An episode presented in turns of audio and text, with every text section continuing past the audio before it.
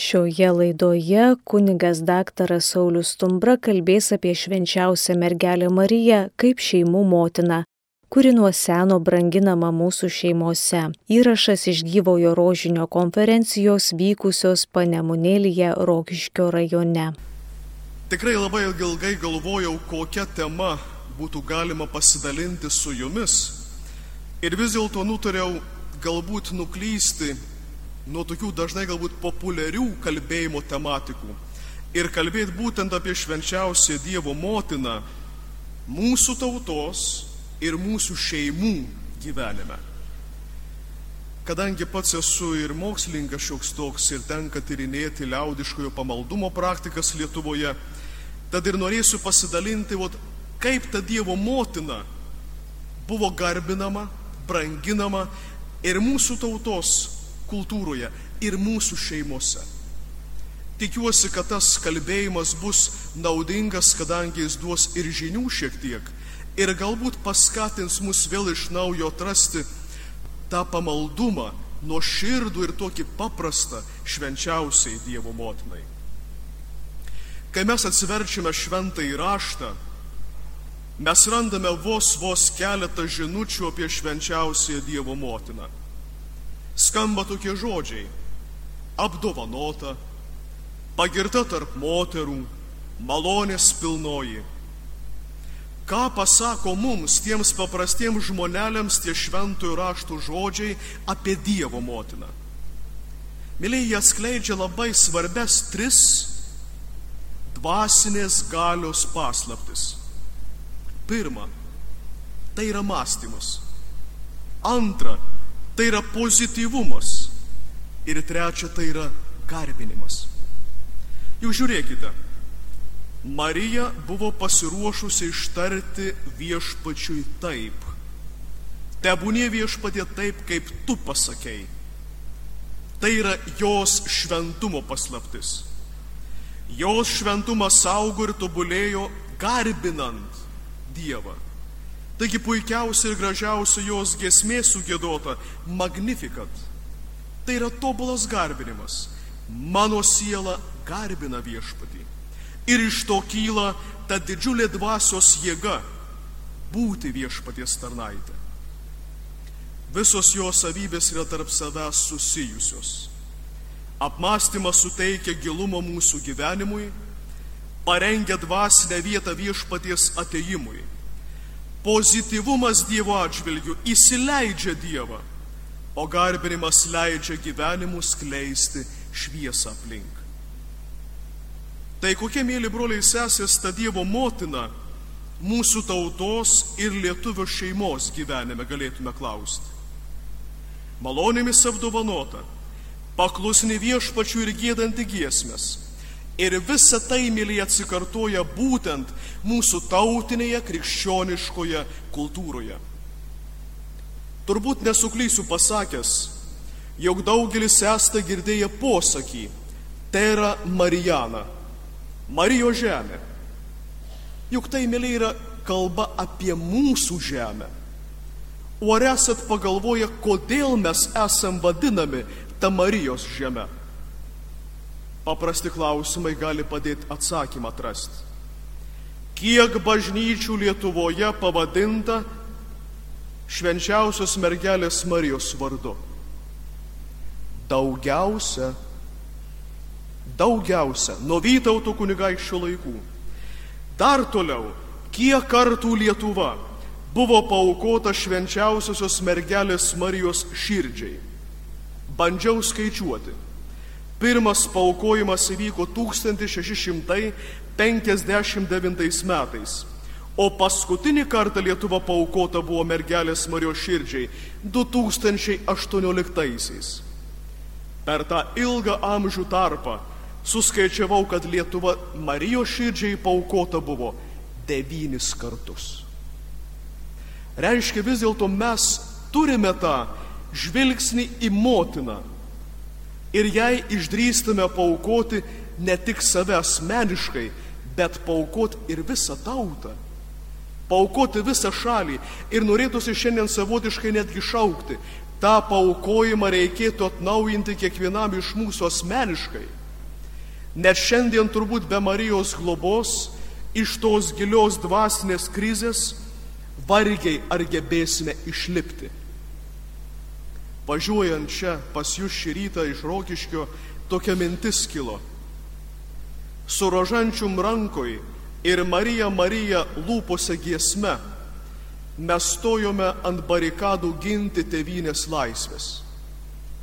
Turbūt ir šiandieną nėra kitų ginklų kaip rožančius rankoj ir giesmė lūpose, prašant dvasinio mūsų tautos atgimimo kad nebūtų išduota prigimtinė šeima, kad nebūtų nutolta nuo prigimtinio mūsų tėvų palikto krikščioniško katalikų tikėjimo, kad gebėtume išlikti laisvi ne tik teritorialiai, bet kad išliktume dvasioje neokupuoti, parsidavę pigioms laikų madoms.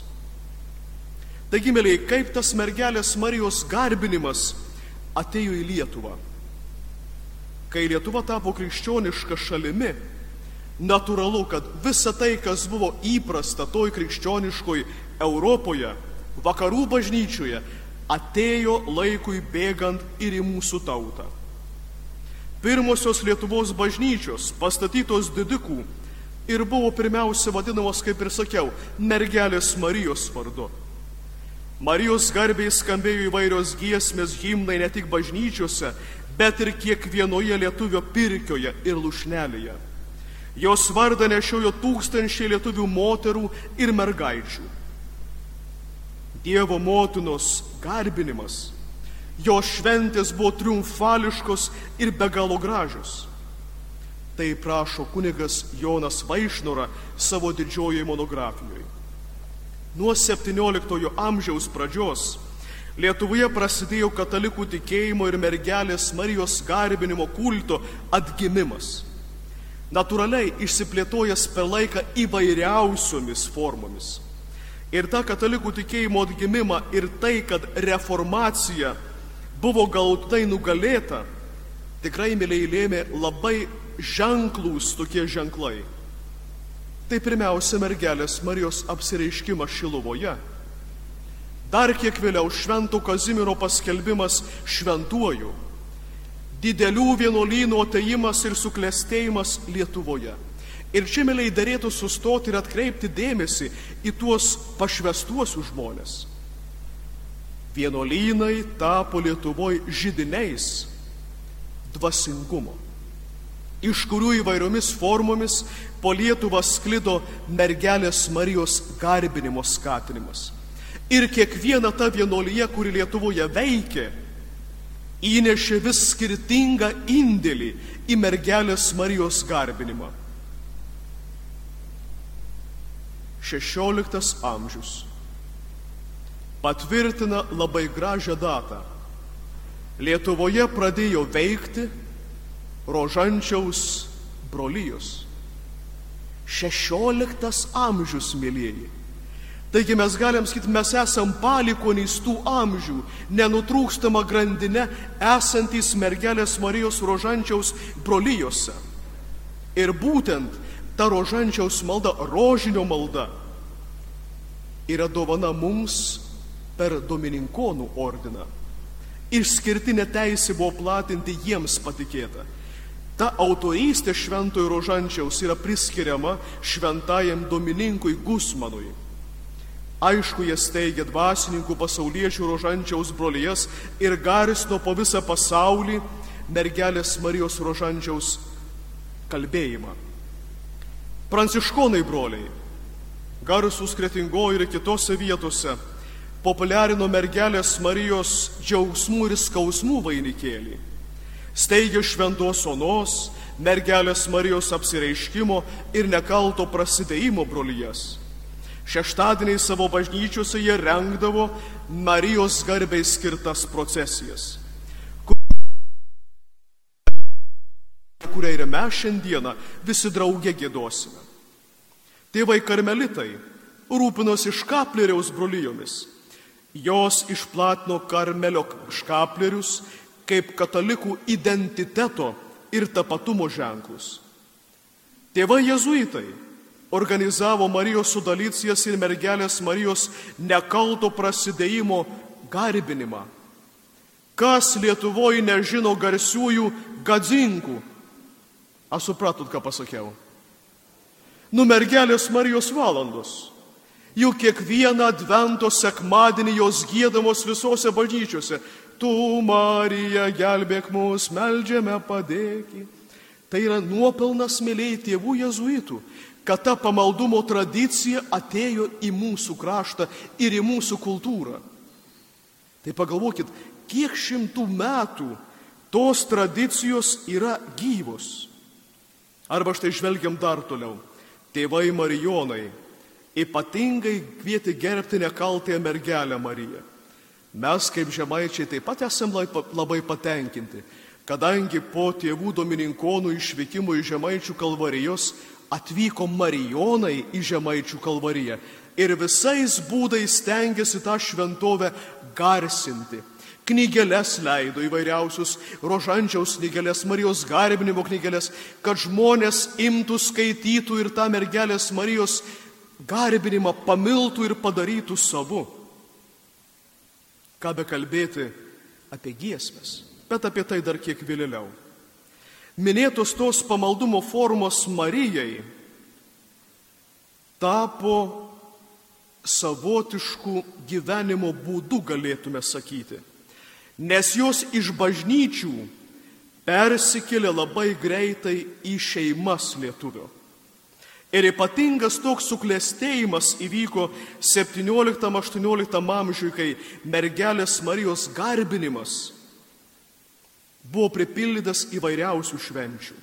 Tai ėmimas dangun, įvedybo, preiškimo, gimimo švenčių, nekalto prasidėjimo, aplankymo, škaplerinės, Marijos vardo belaisvių išvaduotojos, snieginės, rožinės šventės. Ką be kalbėti, kaip sakiau, apie kiekvieną advento sekmadienį gėdama rarotas, o karunka, ar be mokat gėduoti? Mokat. Tai yra be galo, be galo graži giesmė, kurioje sutelpa ne tik mergelės Marijos skausmai, bet ir džiaugsmai telpa. Ir mūsų ta šventė šiandien galėtume sakyti yra būtent atkreiptas dėmesys į džiaugsmą. Nes Mariją mes matome ir savo tradicijų ir kultūroje kaip pagodos ir džiaugsmo bei vilties nešėja. Juk tuo metu, tais amžiais, kuriais minėjau, būtent ir susiformavo ir trakų šventovės, ir aušos vartai, šiluva, žemaičių kalvarija. Tos vietos tapo traukos centrais, į, kurią, į kurias plaukdavo minios. Minios. Labai gerbiamas ir Lietuvai labai daug nusikal, nu, nusipelnęs, katalikų bažnyčiai nusipelnęs profesorius habilituotas daktaras amžinatelis idėja Alfonsas Motuzas, tyrinėjęs mūsų liaudiškojo pamaldumo praktikas, galiu prisipažinti mano dėstytojas ir mokslinių darbų vadovas, yra suskaičiavęs, kad iš Lietuvoje egzistuojančių keturiolikos pagrindinių liaudiškojo pamaldumo praktikų aštuonios yra skirtos būtent švenčiausiai mergeliai Marijai. Pabandykim suskaičiuoti. Taigi tos jau mano minėtos gadzinkos arba mergelės Marijos valnos rarotos, gegužinės pamaldos, veprių kalvarijų Marijos takeliai, šiluvos apreiškimo koplyčios Dievo motinos septynių skausmų kelias, rožančius, litanija, malda viešpatės angelas. Ir giesmės apie Marijos tarpininkavimą bei užtarimą. Ką mėlyje reiškia ta savoka pamaldumo praktika. Tai reiškia, kad tai yra vieša arba privati maldingumo apraiška, kuri nėra labai liturginė, bet yra priimta liaudyje, iš liaudės į namus pareijusi. Ir aišku, čia turėtume nusilenkti ypatingai, kaip minėjau jau, rožinio maldai arba rožančiaus. Kažką panašaus į rožančių krikščionys jau turėjo trečiam, ketvirtam amžiuje. Pagalvokit, pirmieji krikščionybės amžiai, o jau rožančiaus malda buvo susiformavusi beveik. Dabartinio mūsų žinomo rožančiaus rožinio malda ir autoriumi yra laikomas šventasis Domininkas. Ir pasak legendos, Jam skelbiant krikščionybę pagoniškuose kraštuose Prancūzijoje prie Tulūzos, naktį apsireiškė mergelė Marija Dievo motina ir trys nepaprastai gražios karalienės. Kiekviena iš jų turėjo po 50 gražių rožių mergaičių. Ir legendoje sakoma, kad šios trys karalienės tai yra trys slėpiniai, trys rožančiaus dalys. Baltoji karalienė džiaugsmo paslaptys, raudonoji sopuliai ir skausmo paslaptys ir auksinė garbingosios paslaptys. Ir Marija paprašusi toje vizijoje šventai Domininką, kad neštų tą maldą į visą pasaulį.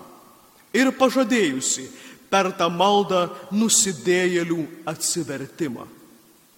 1208 metai šventasis Domininkas pradėjo nešti pasaulį rožinio pamaldumą. Kiek šimtų metų žmonių rankose rožančius yra. Ir šiandien turbūt galime dėkoti šventajam Domininkui, kad jis pasidavė tą mergelės Marijos prašymui ir tą rožinį mums į rankas per šimtus metų įdėjo. Mergelės Marijos valandos gadzingos, kaip sakiau, tai dar viena liaudės pamaldumo praktika. Kaip jos atsirado, galėtume sakyti. Atsirado jos mėlyje iš labai paprastų dalykų. Tai yra kunigų brevijoriaus pavyzdžių, sudėliotos maldos ir giesmės paukojant visą dieną Dievo motinos garbiai.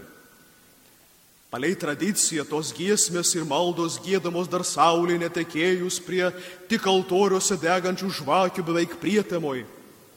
Aišku, mes šiandien galime sakyti, kad ta tradicija per adventą pas mus šiek tiek yra apnykusi. Bet kiek man teko mėlyjei tyrinėti, yra užfiksuota, kad lietuvio šeimoje, jeigu negalėdavo visi išeiti į tas gadzingas arba rarotas advento sekmadienį, visi likusieji sėsdavo namuose prie stalo ir tas valandas gėdodavo. Dar mėlyjei gražiau, teko matyti nuostabų vaizdą, dėja, bet net ne tėvynėje Lietuvoje, bet Lenkijoje. Labai gražus pavyzdys išlikęs. Rarotinės mišios aukojimos prie mergelės Marijos altoriaus, tik žvakiams degant. Ir tos mišios laikomos vaikų mišiomis. Be galo gražus vaizdas, pilna bažnyčia mažų vaikučių su žibintais rankose. Pasibaigus šventoms mišioms kunigas nurarotinės žvakės, uždega jų žibintuose esančias žvakes. Ir beveik saulė tekant, švintant žiemos rytai tamsus, patys žinom, tie vaikeliai eina namosna su degančiai žibintose žiburėliais ir parnesa tą, tą dievišką šviesą į savo namus. Žinot, galėtume pafantazuoti, o jeigu tai sugrįžtų į mūsų tradiciją. Pagalvokim, kokie šviesus būtų advento tamsūs rytai kai mūsų mažieji, o galbūt ir ne tik mažieji, skubėtų į namus parnešti tą adventinę šviesą nuo Marijos altoriaus, nuo rarotinės žvakės ir pripildytą advento sekmadienį dieviškąją šviesą. Kita pamaldumo praktika - gegužinės pamaldos. Žinot, netaip senai teko bendrauti su, man vis noriu sakyti, žemaičiu, bet jisai ne žemaitis su vyskupu Jonu Kaunecku, buvusiu jūsų ganytoju. Kaip jisai gyrė panevižio viskupiją, sako, kunigė Sauliau, sako. Aš, sak, vis važiuodavau ir važiuodavau, sako, prie kiekvienos koplytėlės, sako, prie kiekvieno kryžiaus, minio žmonių permojavas, minio žmonių, sako, ratelį ir viską. Nu, mes nenusileidžiam žemaičiai irgi. Netikit, atvažiuokit permojavosi patikrinkit. Bet, mėlyje, žiūrėkit vėl, kodėl aš vis sustoju ties tuo.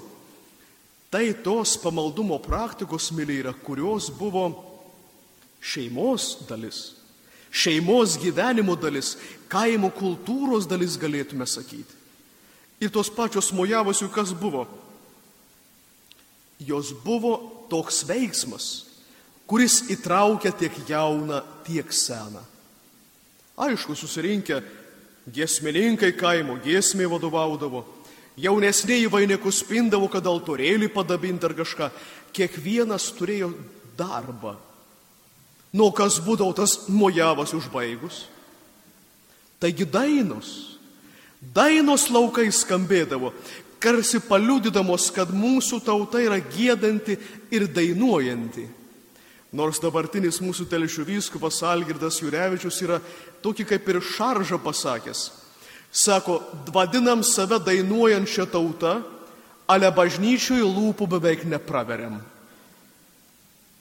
Mėlyjeji, šiandien mes turim puikią progą ir litaniją gėdant, ir šventą rožinį kalbant, ir mišiuose dalyvaujant, taip gėduoti, kad tos lempos gestų.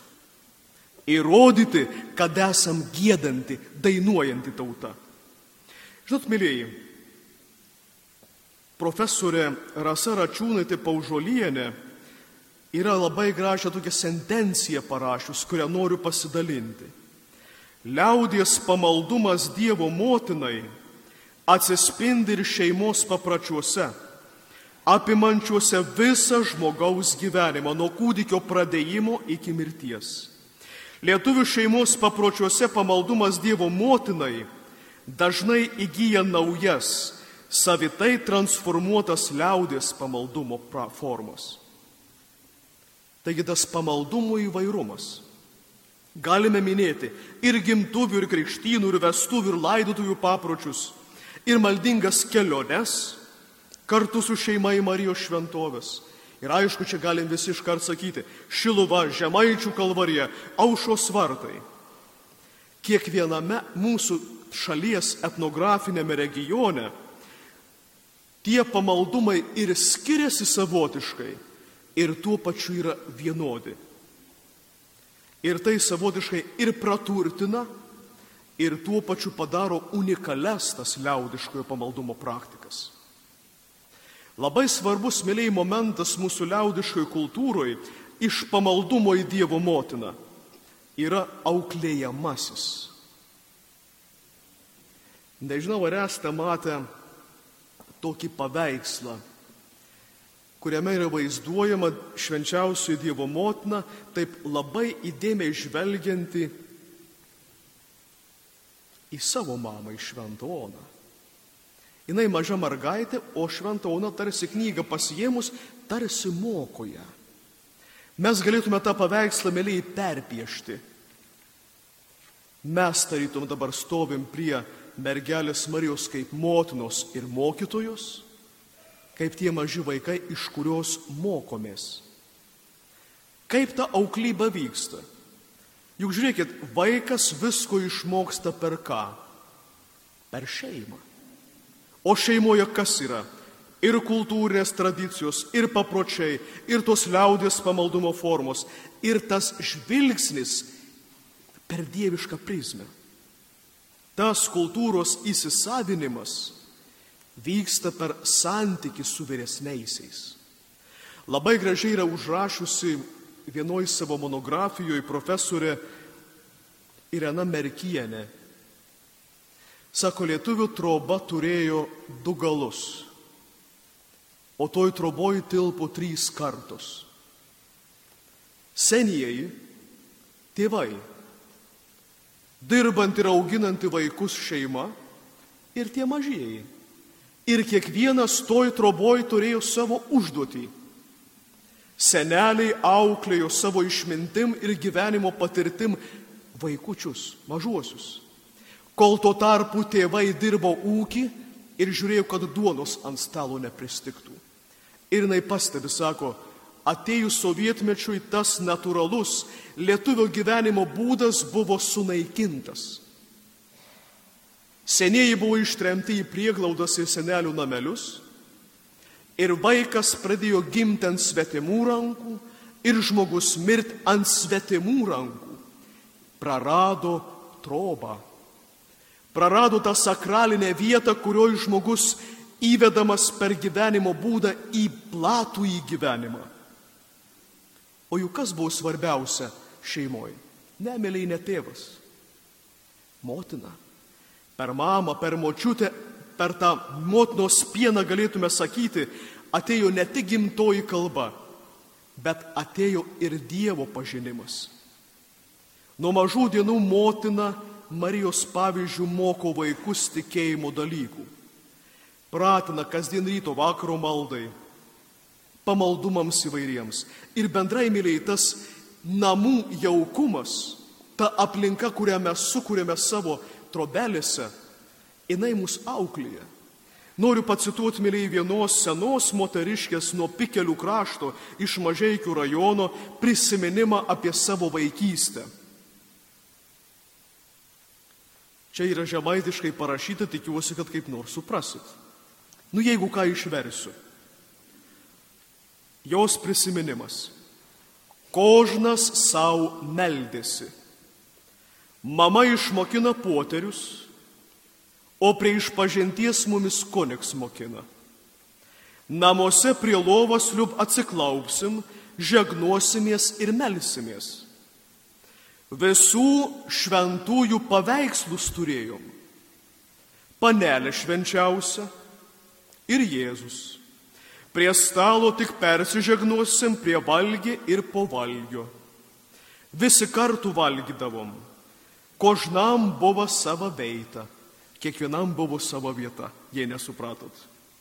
Tevelis sėdėdavo gale, mama šeimininkaudavo, kabėjo kryžius. Kai kokia bėda vis šaukdavomės Marijos. Visa šeima meldės į Mariją. Marijos žemėn mes į neprapolsim. Užrašyta 1917 metais. Ar pamatėt, mėlyje, tą lietuvio šeimos namų paveikslą? Visus namus supo šventieji, galėtume sakyti. Dar daugiau pasakysiu.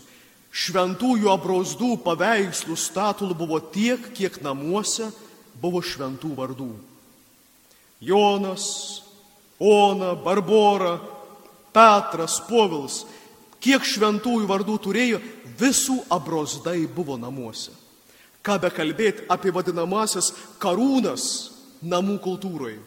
Jėzaus ir Marijos širdžių paveikslus, kurie tradiciškai lietuvių šeimoje kabėdavo po kryžiumi. Žinot, man visą tai sakant savotiškai yra skaudoka. Žinot, kodėl skaudoka? Kad tas gražus Lietuvio trobos paveikslas šiandien labiau išlikęs tik tais gražiuose prisiminimuose. Bet, mėlyje, juk esate jūs. Jūs galit šiandien padaryti, kad ta lietuvio troba vėl suspindėtų šventumu. Kad kryžius būtų centre. Kad Dievo motina kad mūsų dangiškiai globėjai būtų mūsų namuose ir būdami mūsų namuose ugdytų mus, mus pačius tam šventumui, kad ugdytų jūsų vaikus, anūkus tam šventumui, kad mes nebijotume kryžiaus ženklo, kad velnio bijotume. Sakykit, ar tai neįmanoma padaryti? Juk įmanoma. Tik reikia vo to savotiško Marijos paklusnumo, nepabijosiu pasakyti. Dievui užleisti savo gyvenime pirmą vietą. Fiodoras Dostojevskis, didysis laikų klasikas, yra pasakęs, jeigu Dievas yra pirmoji vietoje, viskas yra savo vietoje. Taigi mes esame mėlyje pašaukti tą hierarchiją savo gyvenime sustabdyti ir atstatyti savotiškai. Bet žinot, kartais padėjuoti yra ir malonu, galbūt, kad o kokie buvo gražūs laikai, mes dabar čia išsigimėm, pradėjom blogai gyventi, blogai viską daryti. Palaukit. O kas mums trukdo pradėti viską kitaip daryti? Ta revoliucija padaryti. Sugražinti viską į savas vietas. Ir mėlyjei, nors kartais mes padėjojam, kad mūsų jaunoji karta per daug toli nuo pono Dievo, noriu pasidalinti vienu gražiu užfiksuotų reiškiniu. Per jaunimo dieną Šilovoje, didžiuosiuose atlaiduose, jaunimas buvo paskatintas mergeliai Marijai surašyti savo prašymus. Maldavimus galėtume pasakyti. Intencijas, už ką jie atvykę iš Šiluvą meldžiasi. Aš pacituosiu jums keletą jų intencijų. Žinot, man skaitant ir širdis verkė, ir gėda buvo.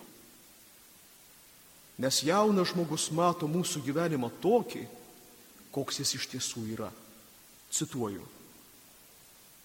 Kad tėvai grįžtų iš užsienio. Norėčiau, kad mano šeimoje baigtųsi nesutarimai. Kad šeima būtų pilna sveikatos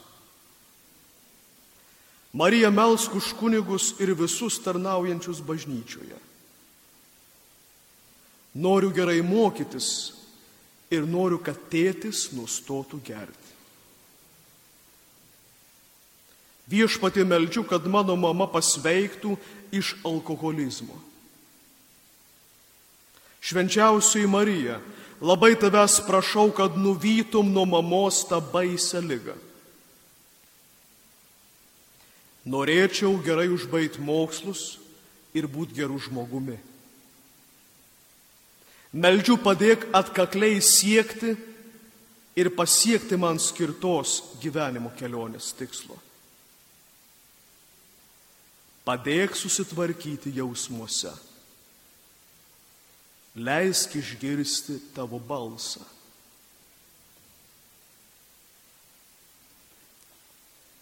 Ar mes, mėlyai, pamatėm realų paveikslą? Juk tie vaikai tai yra mūsų šeimų nariai. Jie maldavimuose parodė mūsų realybę, kokia šiandienė ta šeima yra. Tarytum apnuogino tas žaizdas, kad mes atnaujinti turim savoją šeimą. Juk tas išsakymas vaikų maldavimuose emigracijos, alkoholizmo, nesutarimų šeimose, sveikatos bėdų. Jie liudija, kad jiems nepatinka ta aplinka. Jie nori kitokios šeimos, jie nori kitokios Lietuvos. Ir vėl mes galim čia sakyti, mes galime būti ta jėga, kuri tą padarysime. Žinot, man rašant disertaciją, nu, tas buvo prieš dešimt metų beveik, teko tokį tyrimą padaryti. Vienoj lentelėje surašyti, nu labai gražus dalykai, vertybės pavadinkim. Meilė, atsakomybė, tėvynės meilė, artimo atjauta ir taip toliau. Ir jaunimas 17-18 metų buvo prašyti sužymėti, kurių tų vertybių jie nori savo aplinkoje, kad būtų daug. Žinokit, visa tai ir blaivumą, ir paklustumą, ir meilę. Buvo sužymėta pliusai, pliusai, pliusai, pliusai. Viso to mes norime. Bet atvertus antrą lapą buvo antra užduotis. O ką iš tų vertybių esi pasiruošęs pats įgyvendinti savo gyvenime? Minusas, minusas, minusas, minusas, minusas. Čia mėlyje išsipildo labai gražus liaudės posakis Nori dušę dangun, ale griechai neleidžia. Noriu gyventi gražiam pasaulyje, bet pastangų įdėti, kad tas pasaulis būtų gražus, nelabai noriu. Peršasi išvada nekokia. Galime būti užauginę savimylų kartą, kuri tik nori patogaus gyvenimo bet nenori atsakomybės už šią dieną. Bet ir vėl, kai mes iš tos pozicijos pažvelgiam į Dievo motiną mūsų tautos gyvenime, mes pamatom, kad jis rodo kitokį kelią. Pirmiausia, Dievas, o jau tik artimas ir jau tik po to aš einu.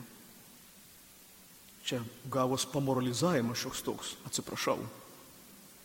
Dar vienas labai svarbus momentas iš mūsų pamaldumų Dievo motinai tai yra šermenys ir laidutuvės.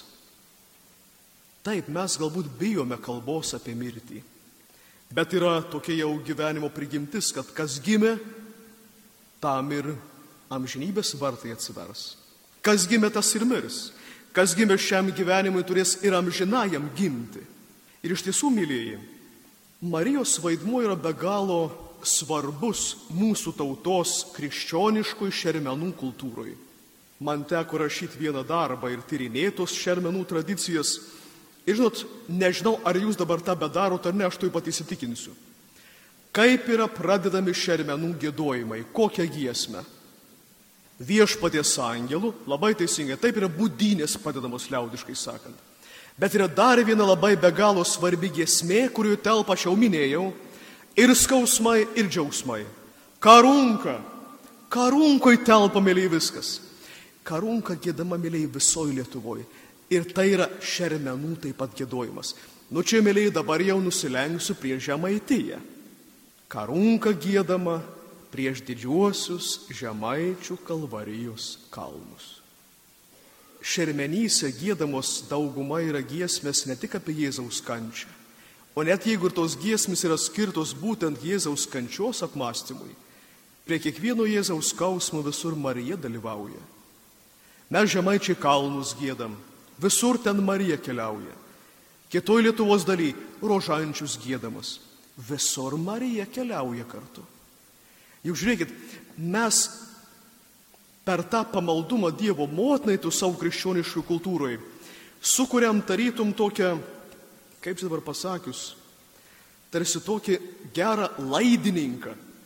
Mes galbūt bijom tiesiogiai į poną Dievą kreiptis.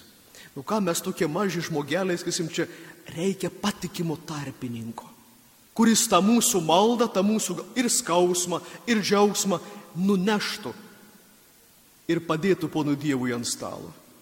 Marija šioje vietoje yra pati didžioji pagalbininkė ir užtarėja. Štai kodėl ir stovi motina skausminga, ir karunka. Tai yra tie visi gėdojimai, kurie mūsų dušiai realiai paguoda ir vilti duoda. Kitas momentas labai svarbus. Tai yra piligrimystė. Jau kaip minėjau, kelionė į šventasias vietas yra nuo pirmųjų krikščionybės amžių labai populiari. Viskupai Lietuva valdė nuo krikščionybės įvedimo rūpinosi kad ir mūsų tėviniai būtų gražių šventovių, į kurias galėtų tikintieji keliauti. Jeigu taip gerai pažvelgsim, visos piligrimystės Lietuvoje vyksta nu, beveik šimtų procentų į Marijos šventovės. Nu, pradėkim žiūrėkit vardinti. Aušos vartai Marija, Pivašiūnai Marija, Krekenava Marija, Šilova Marija, Žemaičių kalvarija Marija. Nu dabar atsirado kryžių kalnas, atsirado Marijampoliai palaiminto Jurgio Matulaičio atlaidai, o visur kitur visos didžiosios kelionės yra pas Dievo motiną. Žinot, kelionė, kelionė yra nelygų. Man teko šiek tiek istoriją patirinėti. Labai gražių dalykų yra buvę ir aišku yra buvę nelabai gražių. Štai vyskupas Merkelis rašo laišką ir ragina savo kunigus, organizuokit piligriminės keliones su procesijom, su vėliavom, su viskuo į Žemaičių kalvariją, į Šidluvą, tada Žemaitija priklausė. Nu, žinokit, ir liaudis pradėjo keliauti. Bet juk nebuvo tada greitųjų automobilių, eidavo pėstute. Natūraliai atsirasdavo nakvynės. Juk ne viešbučios gyvendavo, ant šienelių pakrisdavo. Ir vyskupas mato, kad per eilę metų ne tik gerų dalykų atsirado, kad žmonės pripona Dievą per Mariją keliauja, bet atsirado ir tas dalyks, atsirado ir iš šono nuėjams per tas piligrimys ir sako, stop. Stabdykim tai, kas netinkama ir palaikykim tai, kas tinkama. Ir žinot, aš labai džiaugiuosi, kad tos piligriminės kelionės Lietuvoje yra be galo gražios. Ir šiandien ne tik istorijoje. Kai mes nuvažiuojame į tas šventovės mano paminėtas, mes matom suvažiavusius žmonės maldai. Maldai.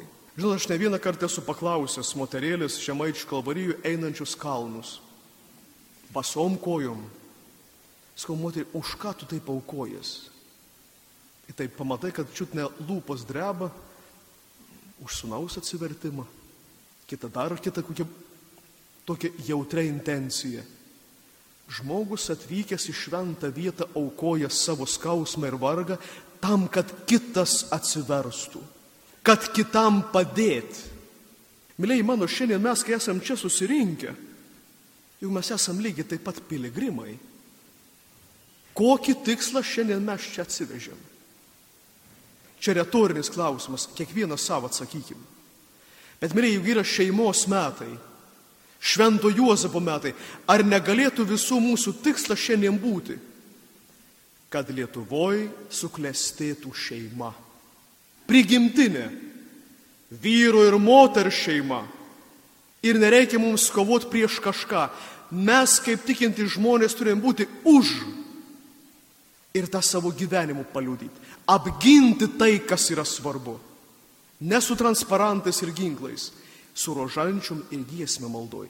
Tai yra mūsų pagrindinis ginklas. Aš pamenu labai gerai, kai dar seminarijų teko studijuoti.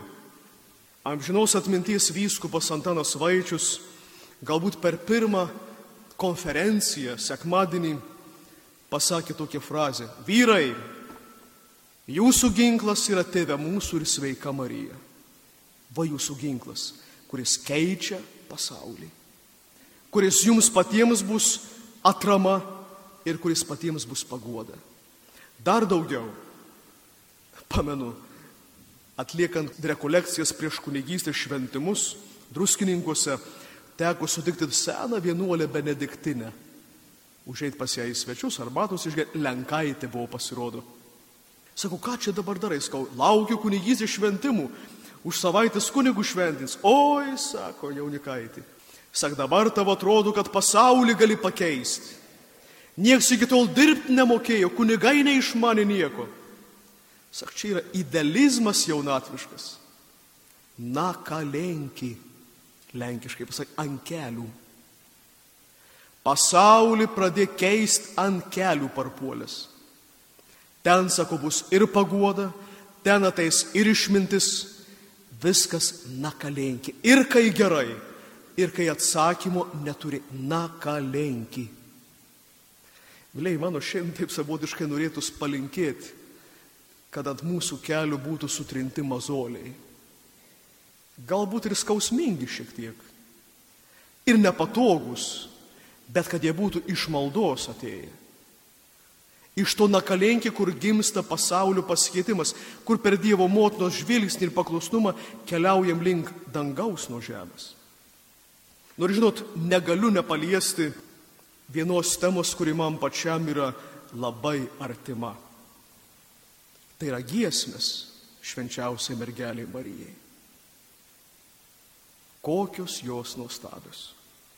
Mėlyje, kad ir kaip būtų liūdna, kad ir kaip mes vadintume savo tautą dainuojančią ir gėdančią, bet lietuviška giesmė ir ypatingai spausdinta giesmė nuvėlai atsirado mūsų tėviniai. Atsirado tik 1646 metais išleidus Saliamono Mozerko Slavočinskio giesmyną giesmės tikėjimui katalickam pridarančius. Čia pavadinimą oficialų pasakiau, ne žemaitiškai, nors tada visą lietuvą žemaitiškai kalbėjau. Po to greit pasirodė balsas širdies. Ir aišku, kaip nenusilenkti didžiajam Lietuvos ganytojui žemaičių vyskupui Motijų Valančiui kuris perradagavęs tuos maldynus giesmynus, pradėjo leisti kantičkas. Ar esat kantičką rankoj turėję? Ja reikia ne tik turėti, bet ir atsiversti. Mėlyjei mano, kokie ten lobiai sudėti yra, kas per gražumas tų posmų, o jau melodijų kas per garumas.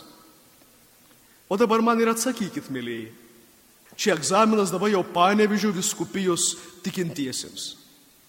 Kokia giesmė kantičkose yra skirta būtent garsiam Dievo motinos paveikslui Krekenavoje. Nu, panevežiečiai, laikom egzaminą. Nežinot. Ir jūs nekalti. Nežinot todėl, kad tos giesmės ir pačioj krekenavoj dėja, bet nebegėda. O kantičkos yra skirta giesmė, mėliausioji ponė mano karalienė dangaus. Jeigu gyvo rožančiaus vadovė kažkada man kokį laiškelį parašys, pabandysiu suveikti žodžius ir melodiją. Nes melodija išlikusi, tekstas išlikęs. Belieka panevižių viskupijos tikintiesiems tą giesmę atgaivinti ir pradėti per ją šauktis Dievo motinos užtarimo ir globos. Mes artėjom link pabaigos, bet mėlyje norėčiau tą savo kalbėjimą užbaigti pasiaukojimo aktų Dievo motinai. Tas pasiaukojimo aktas buvo pasirašytas vos vos Lietuvai tapus nepriklausoma Respublika. 1991 m.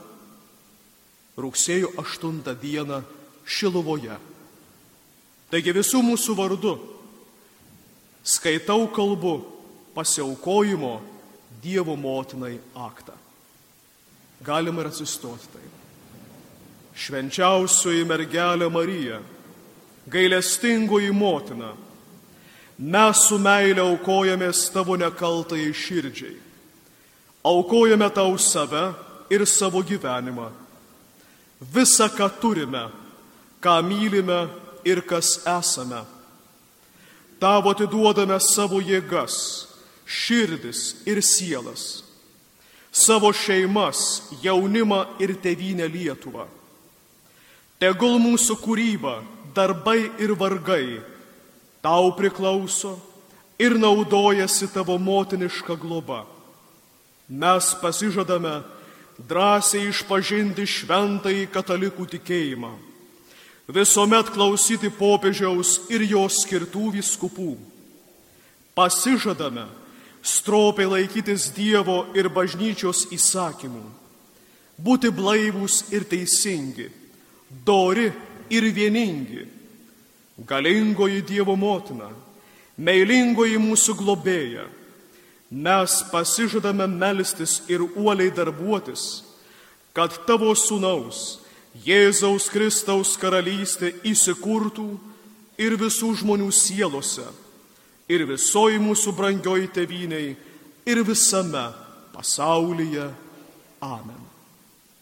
Kalbėjo kunigas daktaras Saulis Stumbra Įrašas iš gyvojo rožinio konferencijos vykusios Panemunėlyje Rokiškio rajone.